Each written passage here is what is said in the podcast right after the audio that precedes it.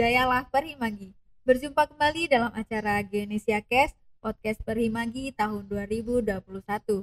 Nah, kali ini kita akan berdiskusi tentang hal-hal yang sedang terjadi di Indonesia. Salah satunya yaitu bencana geologi. Nah, kali ini saya tidak sendiri dan telah hadir bersama kita seorang narasumber.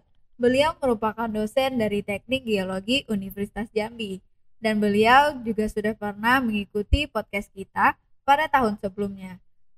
Dan langsung saja kita panggil uh, dan kita sapa Ibu DM Magdalena Ritonga, STMT. Halo Bu, apa kabar?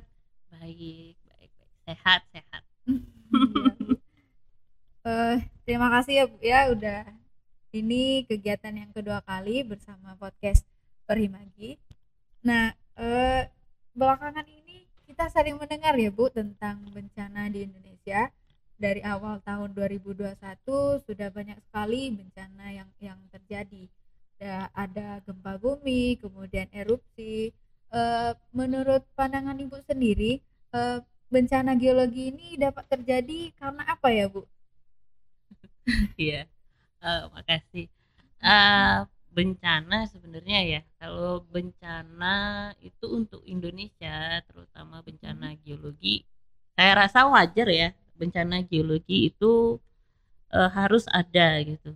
Mengingat kalau kita lihat e, regional geologinya secara besar gitu untuk Indonesia, e, kita tahu bahwa Indonesia itu kaya akan proses-proses geologi. Jadi hmm. otomatis struktur-struktur yang ada di setiap kepulauan atau setiap pulau di Indonesia baik itu hmm. regional maupun lokal itu sebenarnya adalah pengaruh atau faktor utama untuk terjadinya bencana geologi sebenarnya. Hmm, nah, iya. kira-kira gitu.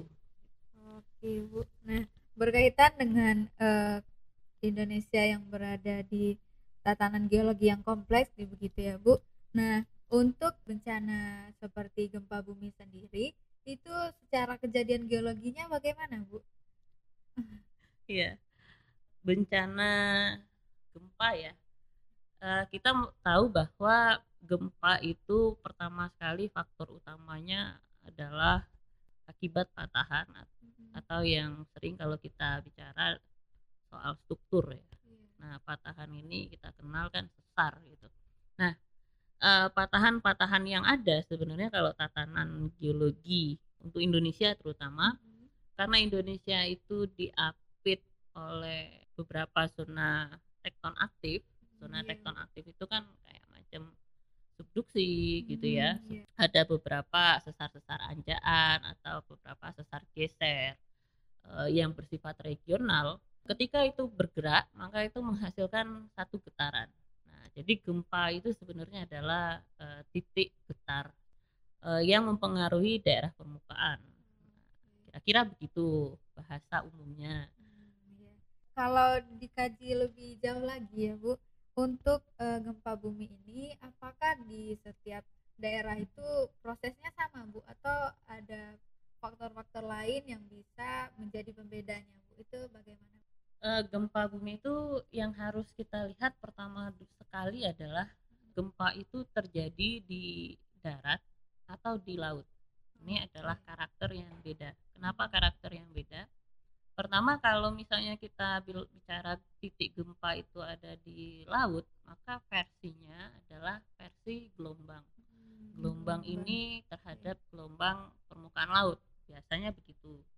Lalu kalau versinya ada di dataran maka sebenarnya agak ini ya agak kan karena banyak sekali kita tahu bahwa gempa hanya terjadi di laut padahal hmm. versi gempa di daratan atau dataran itu sangat banyak. Nah, contohnya ada beberapa kasus yang e, belakangan kita lihat kejadian gempa kenapa kerusakannya sangat hmm, besar. Iya, nah, kalau kita ngerunut kembali berdasarkan tatanan geologi, titik-titik gempa yang ada di dataran atau hmm. itu punya titik riskan misalnya walaupun dia da, uh, walaupun dia getarnya hanya 5 skala Richter tapi kalau misalnya dia itu ada di kedalaman 10 sampai 15 dan itu di daratan maka versinya sebenarnya uh, kerusakannya bisa dibilang nanti bisa kerusakan tinggi. Nah, ini kan ada dua tahun belakangan terjadi fenomena gempa aja terus kan. iya, gempa lalu ada yang diikuti oleh tsunami ada yang hanya tadi ada gempa yang ber- eh, berdasarkan lokasinya tadi Hmm. kan, Bu. Ada di laut, kemudian di darat. Nah, untuk di darat sendiri yang yang bisa menyebabkan itu salah satunya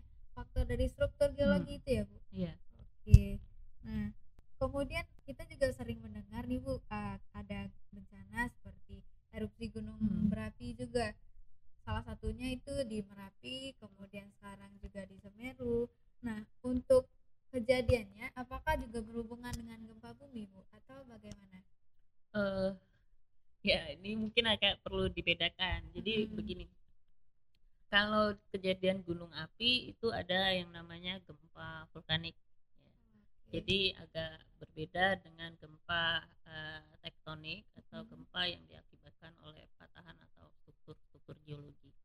Nah, gempa vulkanik itu biasanya memang terjadi ketika satu gunung api itu erupsi. Jadi ada tingkat atau skala skala intensitas gempanya akan naik Hmm. tapi itu versi gempa vulkaniknya gitu. Nah, eh, gempa vulkanik ini sebenarnya lebih terkaitnya ke si jalur magmatiknya. Hmm. Karena Indonesia itu untuk kata ak- keaktifan gunung apinya itu dia agak tinggi gitu karena dia memang Oke. dilalui jalur eh, magmatik kan gitu ring of Oh fire iya, itu. ring Nah, fire ya, otomatis sebenarnya tingkat kegempaan vulkanik di Indonesia pun lumayan tinggi. Eh, Jadi ada bedanya antara gempa yang ada di gunung api atau gempa vulkanik Hmm. sama gempa yang umum atau gempa tektonik ini. Itu dia. Jadi sedikit berbeda ya. Sedikit berbeda. Oke. Nah, untuk erupsi ini sendiri, apakah setiap eh, gunung api aktif itu punya masa-masa tersendiri, Bu, untuk terjadi erupsinya, Bu? Kalau di gunung api kita kan selalu mendengar pertama itu eh, tipe letusannya. Setiap tipe letusan nanti ada skala skala Iya. letusan. Jadi skala letusan besar atau kecil. Lalu ada siklus. Nah, siklus. Gunung api itu punya siklus. Jadi punya riwayat eh, letusan. Dia kalau kita masuk ke ilmu vulkanologi itu Iya. ada eh, gunung api tipe A, B, C. Lalu ada eh, tipe A, B, C ini dari yang se per seribu tahun sama yang sebelum seribu tahun. Lalu ada yang per skalanya 5 sampai 10 tahun, ada yang per skalanya eh, 10 30 tahun, ada yang di atas 30, bahkan ada yang di atas 70 tahun. Nah, ini jadinya ada skala atau riwayat letusan ya. Eh, kita akan lebih mengungkap atau melihat sejarah letusannya si gunung api ini gitu. umurnya berbeda-beda ya, Umurnya berbeda-beda. siklusnya. Untuk intensitasnya sendiri, apakah eh, ada faktor tertentu yang menyebabkan erupsinya bisa besar seperti itu, Bu? Atau bagaimana? Kalau untuk intensitas sebenarnya gini, ada yang mungkin kita eh, agak luput ya. Pertama karena dia berasal dari kantong magma atau dapur magma. Itu betul. Eh, maka akan ada skala atau riwayat letusan per berapa tahun atau per, per puluh tahun. Hmm. Tapi yang kita lupa mungkin adalah versinya itu ketika terjadi perubahan. Contohnya kelut itu sebelum 2013 eh, riwayat letusannya adalah eh, premagmatik. Jadi dia lebih freatik, eh, lebih banyak letusan yang disertai oleh danau kawahnya. Tapi ketika masanya ulang tahun gitu ya, masanya ulang tahun Iya. atau masanya erupsi di 2008 atau 2007 dia mengalami perubahan danau kawahnya tiba eh, mengering lalu tumbuh kubah lava yang baru kalau saya nggak salah itu 2013 2014 kalau nggak salah 2014 Februari ya pas Valentine itu maka baru meletus berarti dari 2007 2008 ke 2014 ada sekitar eh, tujuh tahunan dia membangun karakter yang baru untuk letusannya. Nah ini yang sering terlewat sama kita Hmm. geologi. Gitu. Oke, berarti untuk gunung sendiri juga punya fase pertumbuhan Punya, gitu, Bu? punya dia punya fase Ah, pertumbuhan, punya fase perubahan Hmm. yang biasanya dia ngeletus mungkin eh, di mungkin per 18 tahun atau per 30 tahun gitu ya. Karena Hmm, iya. begini, semakin lama gunung itu meletus atau semakin lama fase siklus satu gunung untuk erupsi, Hmm, iya. maka terjadi skala perubahan, tidak mungkin enggak. Nah, pasti ada skala perubahan. Contohnya juga Merapi. Merapi dibilang aktif iya per lima Hmm. tahun gitu ya, 5 sampai 7 tahun. Iya. Tapi kalau kita lihat misalnya oh waktu itu Merapi cenderung arah letusannya ke mana? Sekarang cender eh, sekarang arah letusannya berbeda. Hmm, Nah, iya, itu kan terjadi perubahan gitu. Oke. Eh, untuk siklusnya sendiri Hmm. akan tetap sama, Bu, atau berbeda-beda? Siklus kemungkinan ya. Pertama ada mungkin yang tetap sama. Kalau siklus riwayat erupsinya Mhm, ya, iya, waktu erupsi. Mungkin ada yang sama. Bahkan mungkin ada yang tidak. Iya. Nah, untuk yang jawab yang kenapa mungkin ada yang tidak gitu ya. Itu terjadi kalau kita contohnya itu kayak Sinabung. Sinabung Oke. itu gunung api yang tidur atau masa istirahat dulunya yang memang nggak ada riwayat dia aktif. Hmm, Tapi iya. ketika dia sekali aktif, sampai sekarang kita belum tahu ini per berapa tahun sih Gunung Sinabung ini mau mau erupsi kan gitu. Belum Iya. ada. Nah makanya sampai sekarang Gunung Sinabung itu ya kadang sekali setahun, kadang setahunnya tiga kali, kadang eh, di Hmm, 2004 di 2014 15 itu dia setahun bisa tiga kali. iya. Kalau sekarang dia mungkin setahun sekali. Nah ini riwayat gunung yang masa seribu tahun istirahat. Berarti untuk tanda-tandanya sendiri akan erupsi itu tidak bisa dilihat ya, Bu? Kalau gunung api yang cenderung aktif ya Mhm. itu yang kita sudah tahu siklusnya, Iya, siklus waktu atau siklus. waktu Mhm. waktu erupsi. Eh, Kita tahu bahwa gunung api itu tanda-tandanya secara visual gitu. Nanti mungkin kita lihat ada solvatara yang keluar Hmm, atau mungkin nanti kalau misalnya orang awam itu bilang kayak kalau di saya kurang tahu tapi kalau di Iya. Sumbar itu namanya kayak galodo gitu loh kayak ada bunyi. Uap panas gitu. Nah bisa uap Ah. panas bisa solvatara dan kawan-kawan itu bisa. Lalu ada semburan yang keluar lalu ada galodo tadi kalau di Sumbar itu namanya galodo kayak macam apa ya kayak macam bunyi.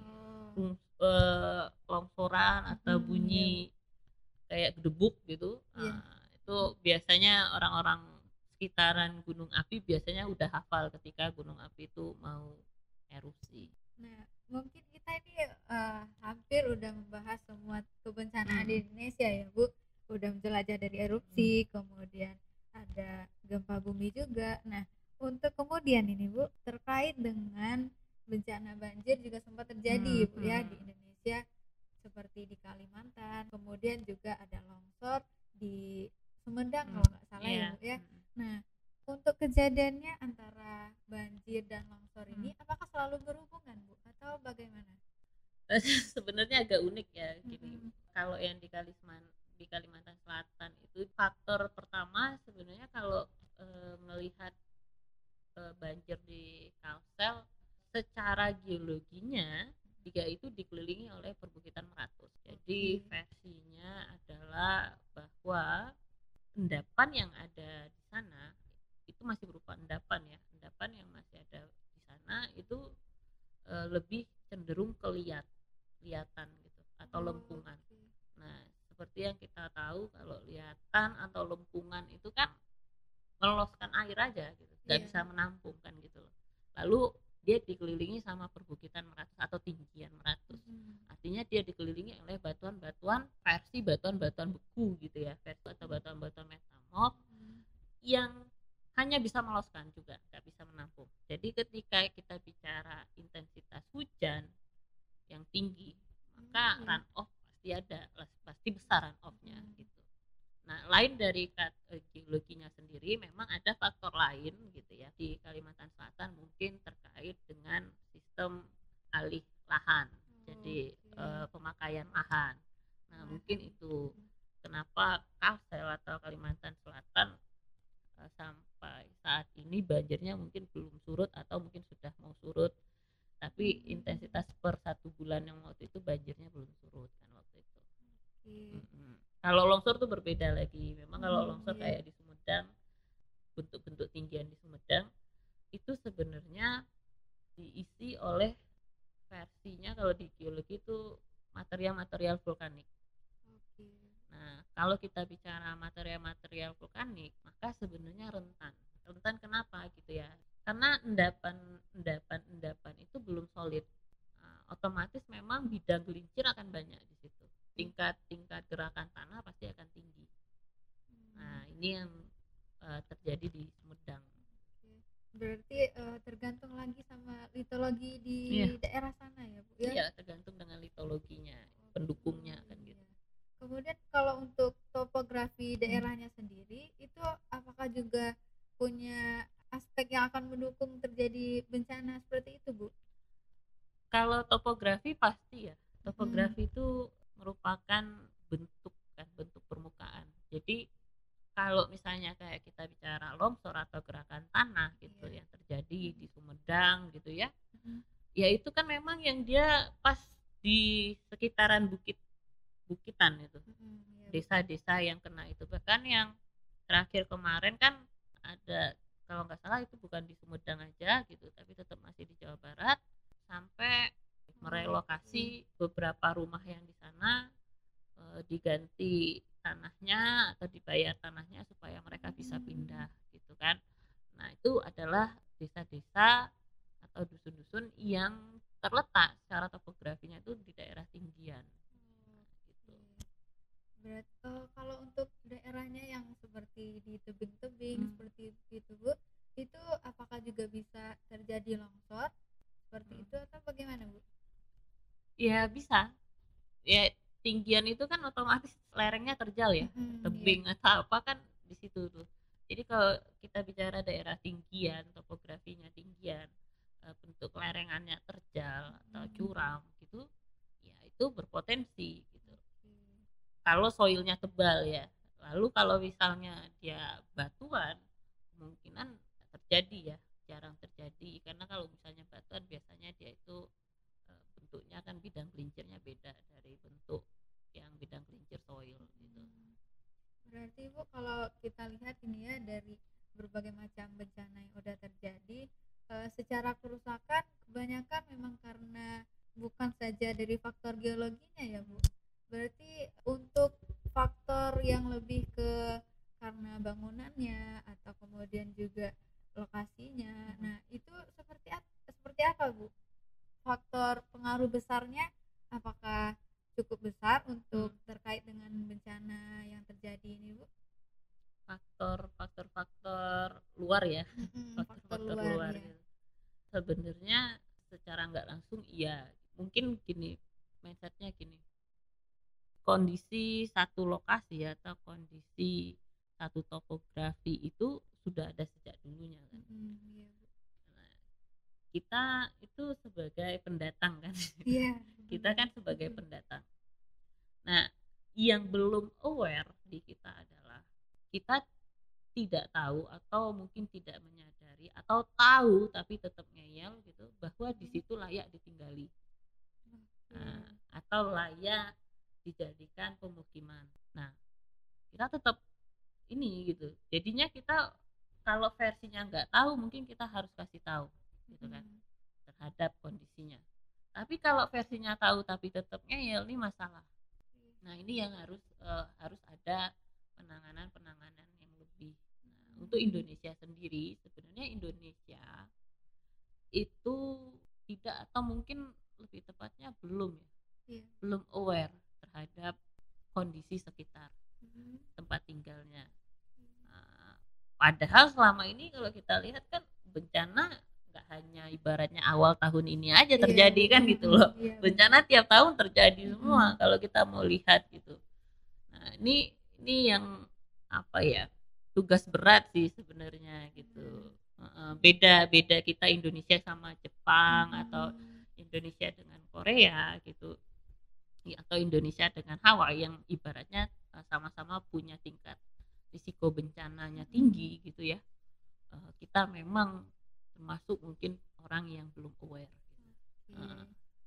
Uh, dari kelayakan suatu wilayah sendiri hmm. ibu nah terkadang mungkin juga kan ya masyarakat itu tidak aware hmm. gitu kan karena atau mungkin pemahaman masyarakat sendiri terkait dengan kebencanaan hmm. terkait dengan lokasi yang akan e, menjadi tempat tinggalnya mungkin pemahaman itu masih kurang hmm. gitu bu ya nah yeah. di sini untuk faktor-faktor yang mungkin atau individu ataupun instansi yang mungkin berpengaruh ataupun punya peran di sini bu nah itu siapa bu instansi ya sebenarnya ya kalau kita bicara masyarakat awam hmm. mungkin mereka nggak akan tahu apa kata bencana itu yeah.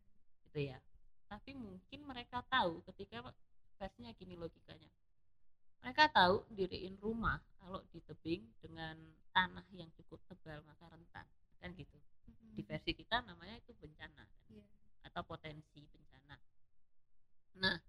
uh, untuk instansi sebenarnya itu semua lini ber, uh, semua lini punya peran gitu nggak hmm, nggak nggak hanya misalnya wah Indonesia punya BNPB punya BPBD nggak hanya mereka atau nggak nggak Basarnas saja enggak hmm. gitu semuanya semua lini berpengaruh termasuk terkait lahan ya pemakaian lahan hmm. RT RW dan kawan-kawannya itu pengembangan wilayah dan kawan-kawan itu ya mereka masuk instansi-instansi misalnya kayak macam selain BPBD BNPB itu PU Bapeda lalu apa pengembangan wilayah hmm. semua masuk termasuk kita mungkin ya bagian akademisi atau universitas hmm. itu ya yeah. masuk ke sana gitu loh masuk ke sana terkait misalnya bencana eh, bencana geologi mungkin terutama atau bencana alam ya mungkin yang paling ngaruhnya itu kalau untuk akademisi ya mungkin kawan-kawan gitu loh kawan-kawan okay. geologis hmm. kawan-kawan geofisik atau geofisika kawan-kawan lingkungan hmm. yang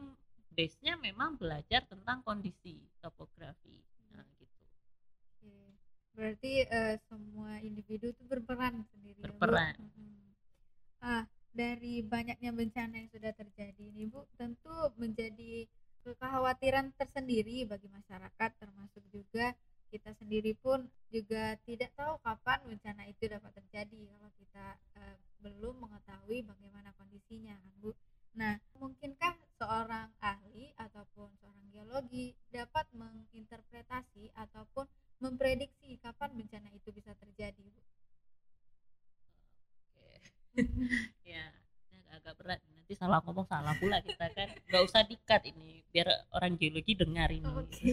candaan ini biar orang geologi dengar gitu uh, gini bisa nggak kan kira-kira iya. mitigasinya yeah. gitu ya uh, bencana itu kalau saya bilang mungkin lebih ke multidisiplin ilmu ya okay. jadi tidak hanya geologi hmm, atau yeah. apa gitu tapi kalau misalnya bencana alam atau bencana geologi memang orang geologi atau orang geofisik duluan. Yeah. tapi nah ini tapi versinya. Kita yang orang geologi aja banyak yang belum tahu bahwa misalnya satu tempat itu punya potensi bencana. Okay. ya itu dia. Itu masalahnya. Jadi kalau misalnya dibilang oh ahli bisa nggak mengetahui ada risiko bencana atau potensi bencana? Hmm bisa bisa saja bisa karena memang justru dari ahli dulu supaya ada peta kerentanan oh, atau iya. peta kerawanan hmm. gitu kan menghasilkan itu gitu supaya kita tahu memang oh di sini tinggi di sini rendah di sini ini tingkatnya hmm. tapi nah ini tapi ahli bencana itu kan ya sedikit ya untuk Indonesia masih sedikit ahli yeah. bencana kalau orang geologinya aja dia hanya masih bicara misalnya oh daerah itu tinggian hmm. oh daerah itu e, versinya misalnya e, dekat dengan gunung api atau di bawah kaki gunung api atau mungkin oh daerah itu yang memang dilewati sesar gitu hmm. tapi kan kita yang lain bencana yang lain luput yeah. contohnya contoh bencana lain yang luput untuk Indonesia pertama tsunami kecilnya yang Krakatau. Hmm. Kalau orang geologi atau orang vulkanologi gitu pasti bicara bahwa tsunami yang terjadi pertama mungkin akibat si gunung apinya Iya. itu memang orang harus geologi ngomong atau Mm-mm. orang vulkanologi tapi kan selama berita itu keluar waktu itu yang hanya terlihat adalah tsunami-nya bukan versi bahwa memang ada gunung api ya Krakatau itu yang versinya adalah badannya itu di bawah permukaan laut ketika terjadi di erupsi terjadi longsoran badan Iya. maka air naik Mm-mm. Nah, itu satu. Kedua, bencana Palu. Gempanya memang dia dia ada di daerah laut, Iya. kan? iya. tapi versinya titik gempanya deket daerah Palung Hmm. yang kena dengan sesar atau patahan. Lalu Palu itu secara topografinya daerah pesisir pantai. Daerah pesisir pantai kita tahu bahwa daerahnya masih endapan, bukan Hmm. batuan. Ketika itu digoncang, maka ya likuifaksi. Ini likuifaksi itu kan masih baru untuk kita. Mm, Iya. Kalau dulu kalau mungkin misalnya Palu itu nggak likuifaksi, kita nggak tahu. Oh ada kaitannya ternyata. Nah, Iya. kita belum banyak apa ya membedah atau me- mengembangkan Mm. terapan ilmu kita geologi ke versi bencana. Berarti selama ini yang masih dipelajari itu hanya konsepnya saja ya, Iya. Bu ya penerapannya. Ibaratnya sudah- hanya kulitnya gitu, konsep Oke, dasarnya iya, gitu kan. Tapi Ah. kita di versi kita geologi kan kita cuma ibaratnya cukup tahu oh tektoniknya begini, oh ada Hmm, patahannya begini. Kita nggak pernah ibaratnya sampai nyempil atau ibaratnya sampai ngomong gini. Kalau ada patahan di sini lalu satu kota ini atau satu desa ini dia punya risiko. Oh, kalau misalnya arus sungainya ada di sini kamu buat jembatan kayak gini, ya ambruk jembatannya. Kan nggak ada gitu Iya. loh. Nggak sampai ke sana Iya. gitu loh. Kajian kajiannya belum nyampe ke sana gitu kajian risikonya. Nah, padahal 10 tahun belakangan orang sudah mulai aware, sudah mulai mengembangkan penelitian, sudah mulai Hmm. mengembangkan eh, ini ke terkait bencana. Jadi nggak Iya. hanya bencana alam atau bencana geologi, licing unsur aja atau terjadinya licing pada unsur-unsur logam berat Iya. gitu ya yang terkait pada tatanan geologi sendiri formasi gitu di stratigrafi kita nggak tahu ternyata itu berpengaruh terhadap kesehatan masyarakat nah itu kan 10 tahun belakangan tuh ada yang namanya bencana lalu ada yang namanya geologi medis Hmm, nah itu loh jadi ilmu ilmu terapan itu ibaratnya base konsepnya memang dari geologi tapi terapannya geologinya ini belum belum nyampe banyak gitu Belum terlalu dikembangkan. belum ya, belum belum oke. belum untuk Indonesia Oke. Tentu ini menjadi apa ya suatu pesan juga ya sebagai Oh, iya. bagi anak-anak Uh-uh. geologi teman-teman semua yang di rumah semoga bisa menjadi eh, apa pelajaran untuk kita sendiri ya Bu. Eh, kemudian terkait dengan cara kita mengetahui kapan bencana itu terjadi dan juga konsep dasar geologinya juga sudah kita kita ketahui. Nah kemudian ada nggak sih bu seperti eh, langkah-langkah yang dapat kita lakukan ketika bencana itu akan terjadi langkah mitigasinya seperti apa, mitigasinya gitu ya pertama sekali mungkin gini Indonesia itu kita kan kalau dari kita ngambil geologinya aja ya spek Hmm. geologinya Eh, kita udah tahu tatanan geologinya kita sudah tahu kondisi geologinya otomatis kita tahu kondisi topografi Oke. hal itu dituangkan dalam bentuk peta Mm. ketika kita bicara peta maka ada kajian selanjutnya bicara soal peta kerawanan atau kerentanan nah untuk ya kalau untuk gempa sendiri itu kalau nggak salah sudah dikeluarkan peta kegempaan. Yang mana riwayat kegempaan selama ini lalu besaran gempanya berapa Oke. lalu estimasi sampai berapa Hmm. tingkat kerusakan kalau nggak salah saya sudah ada itu petanya per 2003 apa 2000 berapa saya lupa.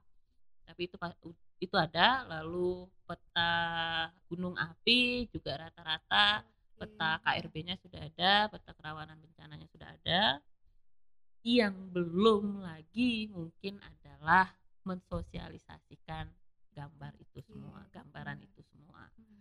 Nah, itu yang belum ada. Kalau di beberapa daerah di Jawa, mereka sudah buat kelompok-kelompok masyarakat. Jadi kayak organisasi masyarakat sipil gitu. Jadi OMS OMS kayak perkumpulan-perkumpulan. Kalau di Kelut ada namanya Jangkar Kelut ada Merapi itu ada sendiri juga.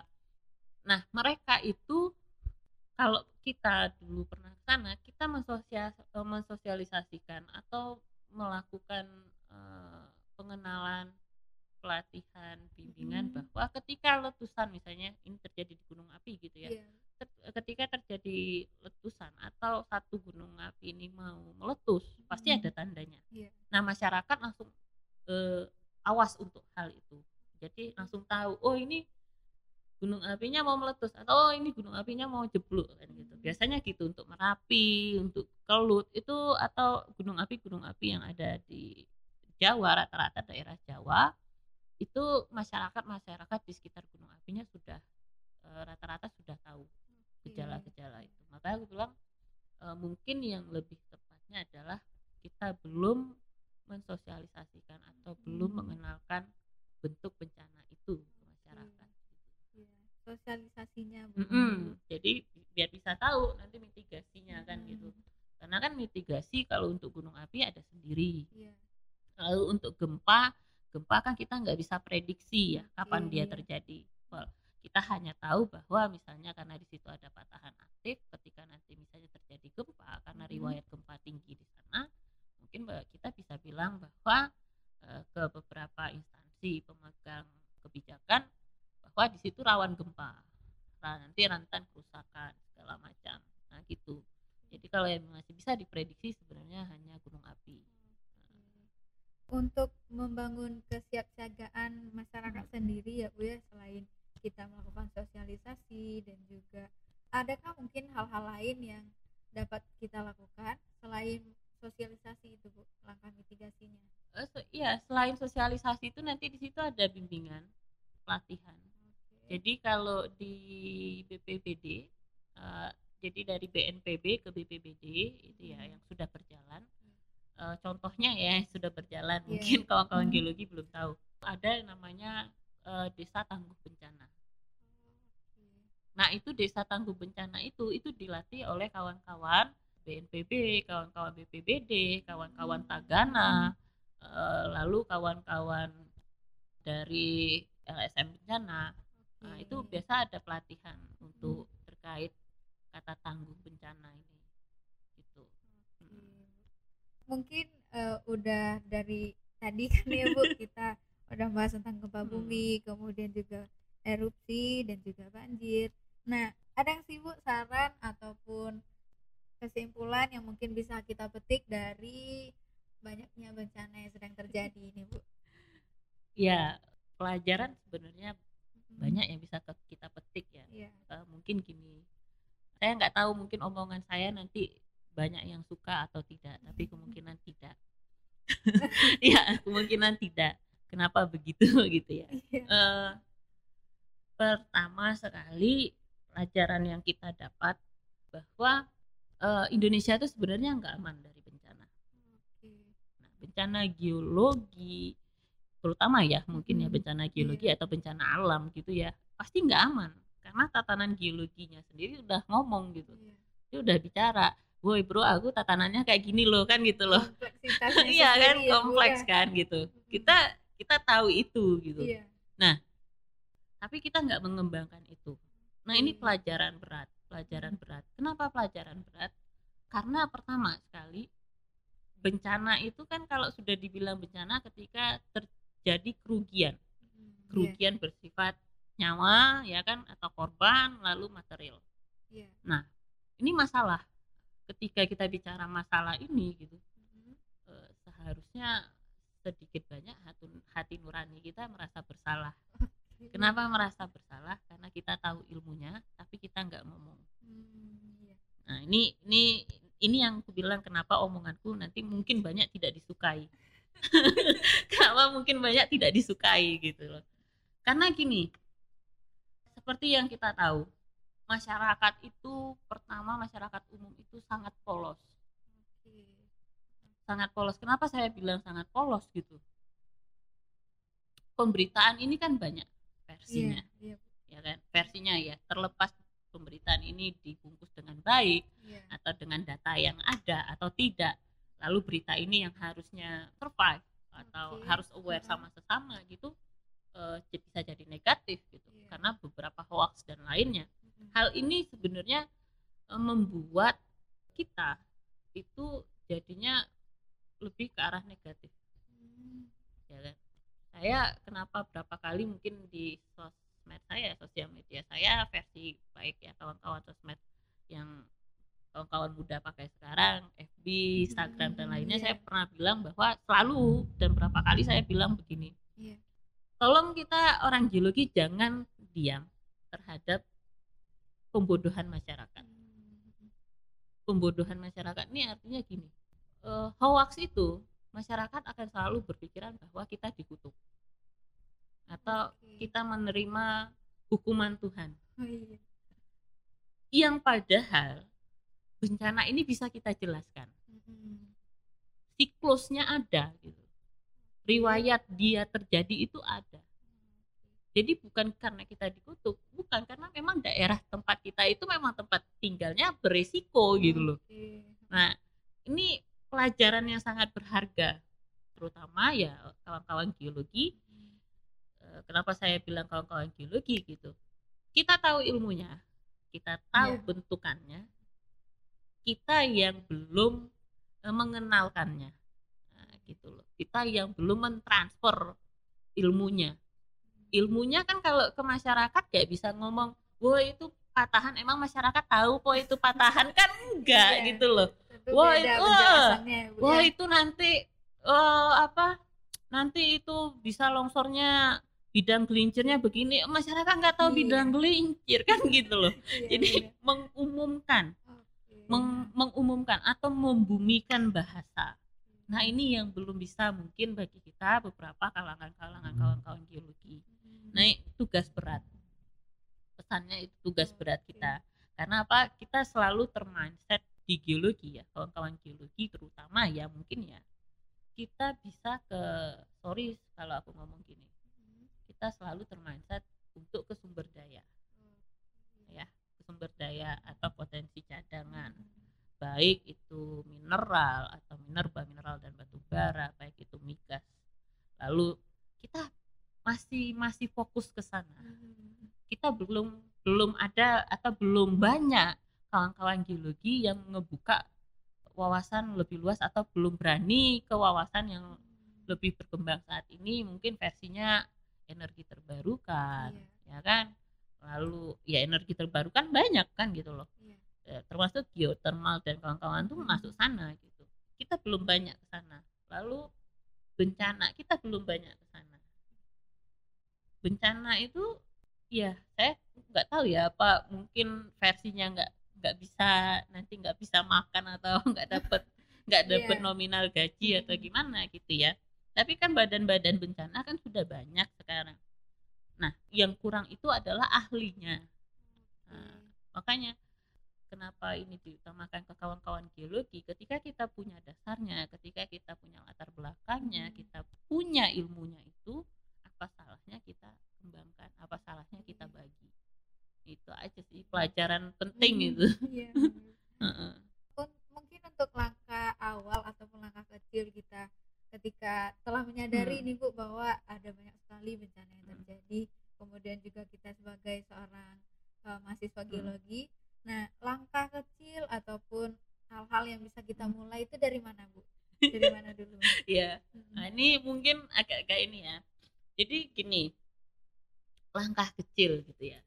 Kawan-kawan geologi kita kan sekarang ini rata-rata kawan-kawan mahasiswa ini kan jauh lebih kreatif ya.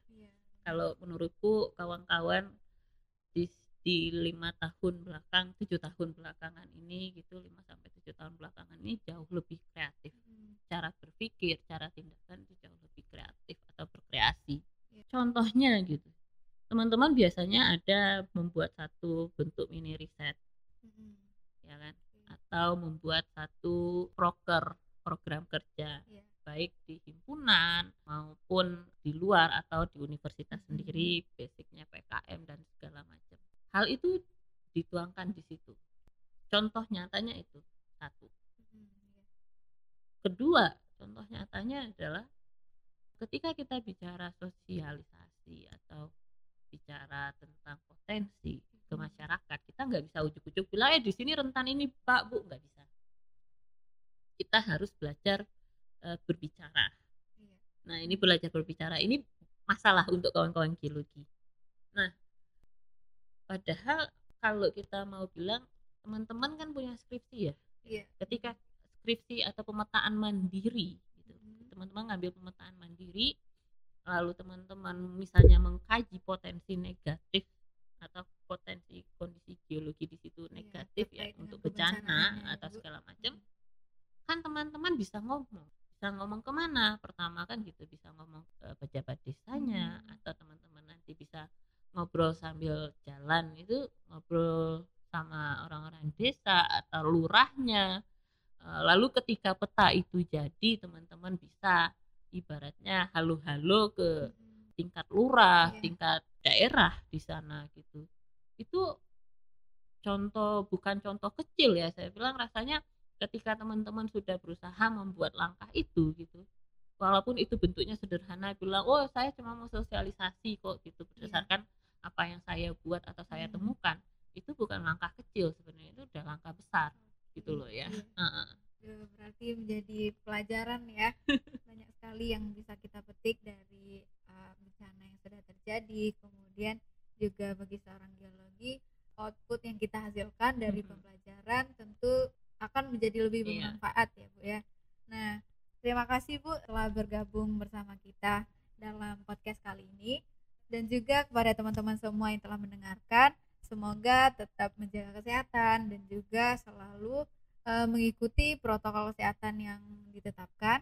Dan tetap ikuti selalu program dari podcast Perimagi ini. Dan jangan lupa akan kita datangkan kembali narasumber dan juga akan kita angkat kembali apa-apa saja yang menjadi topik yang sedang hangat dibicarakan. Nah, terima kasih Bu iya, ya, ya, atas Sama-sama. Sama-sama. Ya.